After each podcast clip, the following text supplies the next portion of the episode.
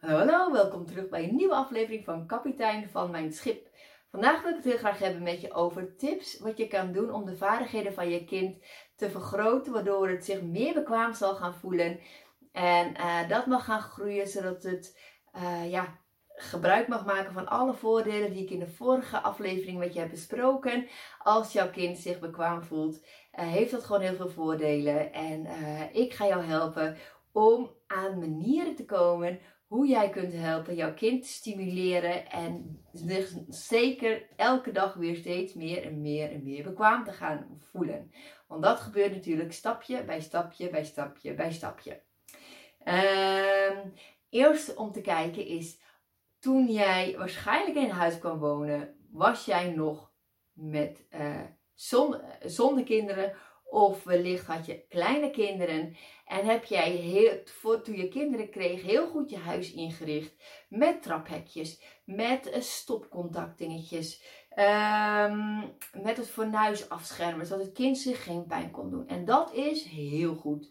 Uiteraard zeer verstandig, ook om alle giftflessen hoog weg te zetten, dat het kind er niet per ongeluk bij kan komen, etcetera, etcetera, etcetera.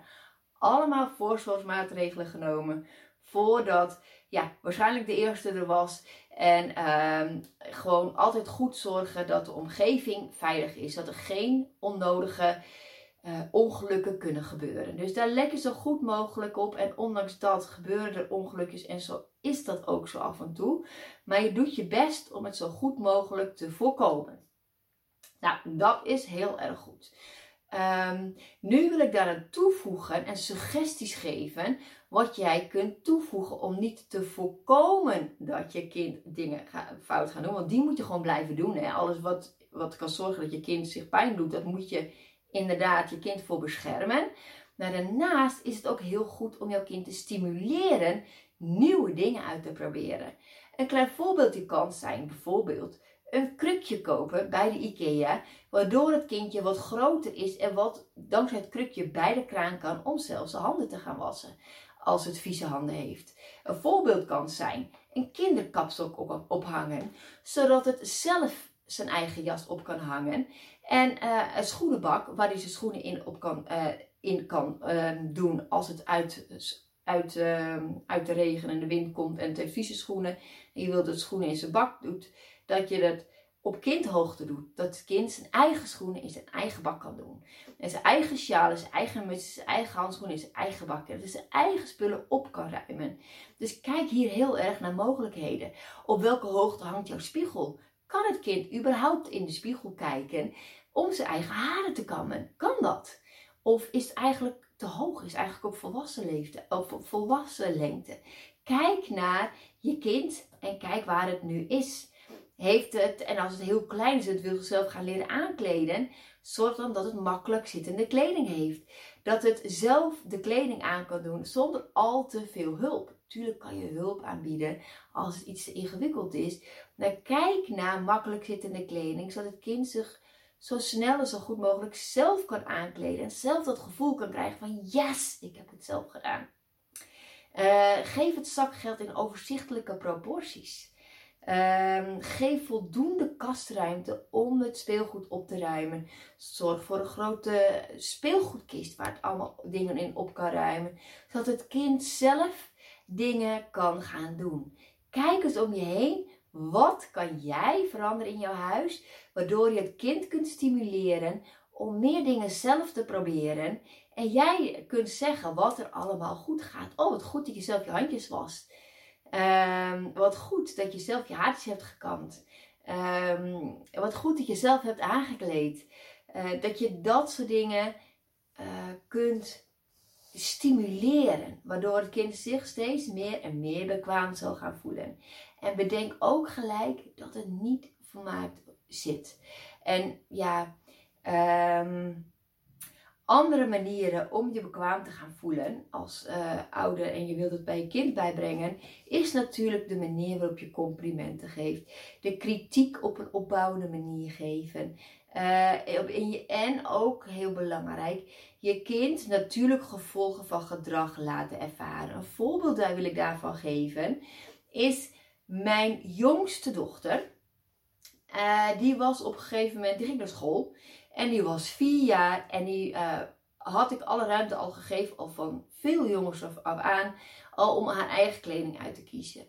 En toen ze naar school ging, moest ze natuurlijk op een bepaald tijdstip klaarstaan, omdat ze dan naar school moest. En ik gewoon altijd op tijd wilde zijn. Nou was het feit zo dat zij wel haar eigen kleding mocht uitkiezen, maar niet te stimuleren was om zichzelf aan te kleden. En ik kon haar ook echt niet aankleden. Het was echt een drama. Elke dag opnieuw. En wat ik ook uit de kast trok, en positief stimuleren, positief dingen beloofde, het maakte allemaal niet zoveel uit. Ze ging zich gewoon niet aankleden. Ze verrekte het gewoon. En op een gegeven moment dacht ik echt, en uiteindelijk, ik deed, ik, ik, weet je, uiteindelijk duurde het een uur voordat ik wel ongeveer had aangekleed. Ik nam er gewoon een uur tijd voor, want ik, stress werkte sowieso niet. Dat, dat had ik al een paar keer geprobeerd, dan is dat helemaal drama, dat wordt het niet. Dus tijd, rust voor nemen, een uur tijd om aan te kleden. En uiteindelijk kreeg ik het dan wel voor elkaar om haar rustig aan te kleden. Maar het ging altijd met veel toestand. Laten we het zo samenvatten. Het was echt geen feest om haar aan te moeten kleden. Nou, uiteindelijk was ik op een punt dat ik echt dacht: gaat het toch niet langer? Zo gaan we toch niet jarenlang bezig zijn om haar maar aan te moeten kleden. En ik dacht echt, ik ga nog, nog meer denken in de mogelijkheden. Ik was continu dingen aan het uitproberen. Maar uiteindelijk kwam ik op een punt dat ik zei: Meisje, als je je niet nu aankleedt, ik geef je nog 10 minuten, dan gaan we toch echt schoenen aandoen en naar school. En als jij dan niet bent aangekleed, betekent dit dat jij in je pyjama naar school gaat. Want we gaan gewoon niet te laat komen. Waarop zij antwoordde: Ja, ik ga in pyjama naar school. En ik dacht: Oh oh, wat heb ik nu weer gezegd? Maar goed, ik dacht: Oké, Petra, ik ben zelf heel erg van. Uh, als, ik iets, als ik iets zeg, dan doen we het ook. Dus ik zei echt: Weet je zeker dat je je pyjama naar school wil? Want iedereen heeft kleren aan. Dan ben jij de enige die geen kleren aan heeft. En ik weet niet of je docent dat ook echt heel erg leuk vindt. Dat een mannelijke kleuterleider. En ik wist wel zo'n beetje inschat dat dat niet echt heel erg leuk zou vinden. Dus ik waarschuwde haar daarvoor. Weet ik het echt heel zeker. En mijn dochter viel. Ja, ik ga in pyjama naar school. Ik dacht, oké, oké. Nou, goed. Als je het heel zeker weet. Toen dacht ik ook echt, ja weet je, de natuurlijke gevolgen van je eigen gedrag in laten zien. In hoeverre doe ik hier, ik moet echt pijn mee? In hoeverre loopt hier echt gevaar op? Um, ik dacht, ja, ja, dit is denk ik wel het punt om haar de natuurlijke gevolgen van haar eigen keuze in te laten zien. En gewoon met te gaan ervaren hoe het dan is om in je pyjama naar school te gaan. Ik dacht, ik moet er niet aan denken. Maar ja, ik ben ook volwassen. Dit is een kind van vier. Die heeft nog gewoon veel te leren. Dus oké, ik moest ook echt even diep ademhalen als ouder. Eerlijk is eerlijk. Ik vond het ook echt niet gemakkelijk. Maar ik dacht, oké, oké. Dit is de wil van het kind. Het, het, het, het, het kan dit gewoon overleven. Er zijn geen ernstige dingen die hier gebeuren. Dus ik laat haar dan maar de natuurlijke gevolgen van haar eigen gedrag ondergaan. Dus zo gezegd, zo gedaan. Ik gaf haar over aan haar docent. En die zei gelijk, ze is in pyjama. Ik zeg, ja, dat weet ik. Ze wilde zich niet aankleden. Ze wou per se in pyjama naar school. En um, ja, ik, uh, zo is het. En hij zei, nou, dat vind ik niet goed. Ik dacht echt, ja, nou, dit is, dus, dit is dus het gevolg van je eigen gedrag. Ik dacht echt, nou, prima. Zeg dat ook tegen het kind, want ik wil niet luisteren naar mij. Het werkt gewoon niet. Dus toen was ze ook van, ja, uh, nou, ga maar zitten. Dus ik dacht, oké, nou, prima. Ze is de klas binnengelaten. Uitstekend. En uiteindelijk haalde ik haar, het einde van de dag haalde ik haar op. En had ze twee, ja, kleding aan. Uh, gebruikte kleding aan van school. Dus hè, als ik een ongeluk heeft, hebben ze altijd uh, extra kleding op school. Dus had extra kleding aan van, van school. Ze had geen pyjama meer aan, die zat in haar tas. Dus ik vroeg aan haar: Wat is er gebeurd? Je hebt je pyjama niet meer aan. Nee, mama, Meester vond dat niet goed dat ik in de pyjama zat in de kring. Zei, meester heeft mij kleren gegeven. En die heeft gezegd, nu ga je naar de wc en je gaat je me aankleden. En toen moest ze zich gewoon aankleden van de meester. Dwingende ogen, jongens. En dat, dat werkte echt heel goed in mijn geval. Want vanaf dat moment was het nooit meer een probleem om haar aan te kleden. En ja, het kostte nog steeds tijd. Maar nee, zij ging niet meer in pyjama naar school. Want zij had inmiddels in de gaten. Dat vindt mijn leraar niet zo leuk. Nee, dat wordt niet in dank afgenomen. Oké, nou die les was duidelijk. Dus ze is nooit meer in pyjama naar school geweest. En uh, dit heeft haar geholpen om er overheen te komen. En zich uiteindelijk te beseffen door een natuurlijk gevolg. Um, ja, weet je, ik kan me beter gewoon aankleden. Dat wordt meer geaccepteerd en meer gerespecteerd in de maatschappij. En dat ik in pyjama naar school en werk kom. Ja, nou, zo dus. Dus uiteraard, elke situatie is anders. Elk kind is anders. En dit was zo'n situatie waarin ik ook echt, ja, dacht, ik, nu kan ik het zonder grote gevolgen. Als een kind zegt, ik wil zelf de weg oversteken. En jij weet van, ja, uh, die ziet nog wel eens een auto over het hoofd. Ik snap ook dat je dan zegt, ja, ik snap het. Maar ik sta wel achter je. Dan mag jij aangeven wanneer we gaan oversteken. Of dat soort dingen, weet je wel. Dat je echt nog je kind terug kan trekken. Mocht dit iets over het hoofd hebben gezien of wat dan ook.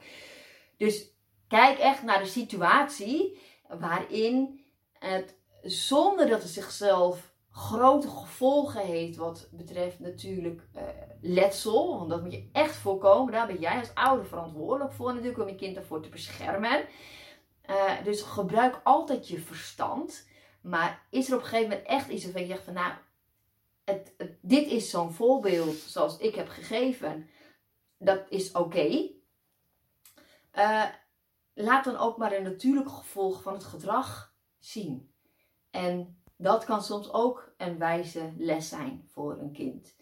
Um, ja, er zijn nog heel veel andere dingen, tips en tricks die ik kan geven op dit gebied. Uh, volgende keer ga ik het meer hebben over complimenten geven en kritiek op een opbouwende manier. Um, dit filmpje is inmiddels lang zat. Ik ga het hiermee, uh, hiermee afsluiten. Als laatste wil ik je nog helpen herinneren aan de verdiepende workshop die gaat plaatsvinden na de zomervakantie over ruimte voor emoties en grenzen aan gedrag. Mocht je daar interesse in hebben, uh, uh, laat je uh, kijken op www.kapiteinvanmijnschip.nl of kijk beneden bij de beschrijvingen voor de website waar je meer informatie kunt vinden en je kunt opgeven. En uh, ik hoop je daar te zien. Er is op dit moment een early bird prijs, dus wees er snel bij. Want voor je het weet is de early bird prijs natuurlijk afgelopen en dan betaal je het volle pond. Oké, voor nu is dit genoeg. Ik hoop je te zien in de volgende aflevering. Doei doei!